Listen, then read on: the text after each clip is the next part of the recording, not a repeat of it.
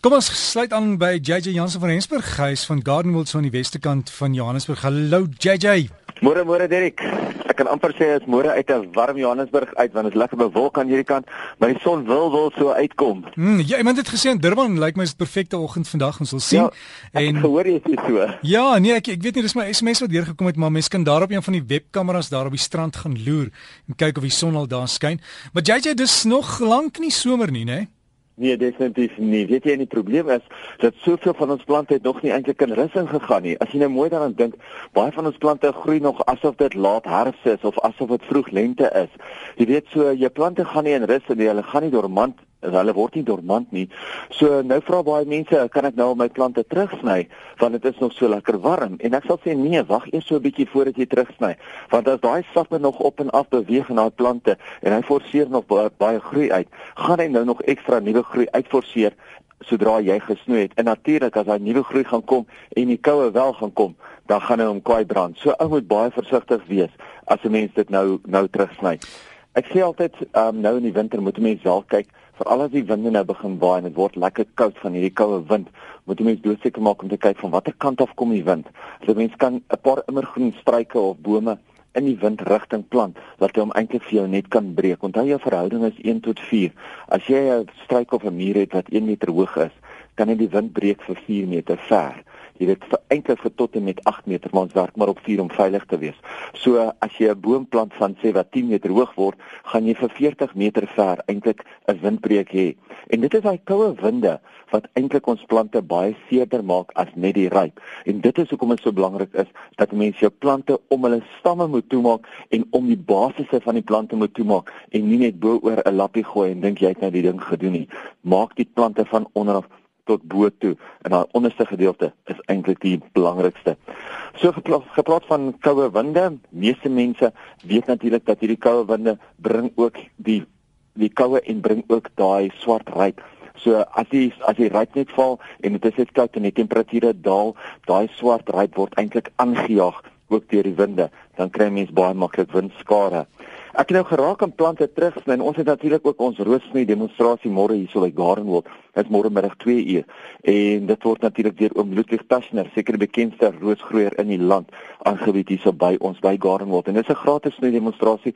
So as jy ietsie wil hoor oor roodsny, kom kuier vir ons. Maar gesels met jou naaste kwekery. Jy ver van Gardenwold af is gesels met jou naaste kwekery en hoor by hulle wie doen 'n roos roosny demonstrasie waar. En mense moet altyd net weer bietjie vars gemaak word oor wat om te sny. Dat jy net weer weet, dat jy net weer seker is. Want jy weet baie mense staan terug as dit kom by roos nie. Hulle dink dit is 'n verskriklike groot, baie moeilike werk. En is eintlik nie so moeilik nie. Dit is eintlik ongelooflik maklik. So definitief kyk bietjie by 'n kwekery naby jou of daar sien 'n roos sny demonstrasie is nie. En uh, jy jy het net gedaan met met Ludwig Tassner daar by julle gaan self die demonstrasie kom. Ek weet die ouste legende, hy kyk na roos en sê vir jou presies wat dit is.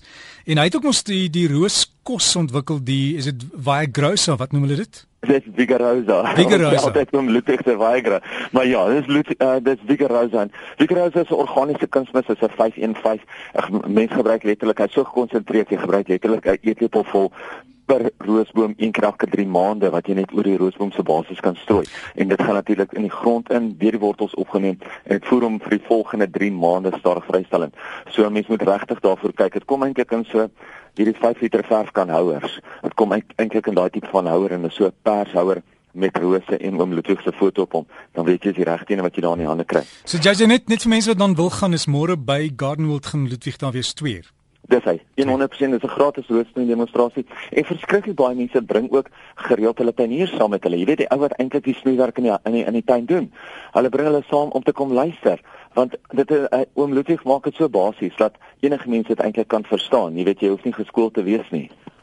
En Jazzy dan wat kan ons nog doen in die tuin? Laaste enetjie is natuurlik nou van rose na bome en struike. Baie mense sukkel bietjie met hoe ver hulle hulle bome se takke moet terugsny. Nou praat ek spesifiek van daai stompie wat oorbly net nadat 'n mens gesnoei het. Daai gedeelte van die tak wat nou agterbly as jy gesny het. Baie mense maak die fout om die tak net halfpad af te sny, sodat nog steeds 'n lang groot oop kaal arm oop bly, wat natuurlik die boom net baie onnet maak. En baie mense sny nou weer so kort af dat hulle die boom se hoofstam eintlik skade aanrig. Hulle wil glad nie 'n tak sien daar waar hulle hom gesny het nie, jy weet. Hulle sny hom tot so teen die stam en hulle krap sommer so 'n gedeelte van die bas ook af En die regte manier is eintlik om so 'n duim of wat te los op takke so net omtrent besemstokdikte as ek dit so kan noem.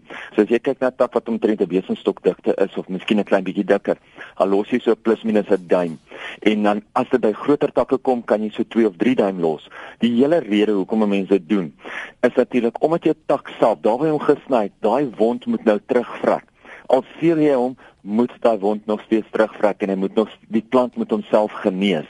Sny hy hom te naby aan die stam, dan vrek hy eintlik terug binne in die stam in en probeer hom so genees. Dit wil 'n mens nie hê nie. Jy wil hê die tak moet op sy eie genees. So sny die tak los net so klein stukkie net op die op die boom self.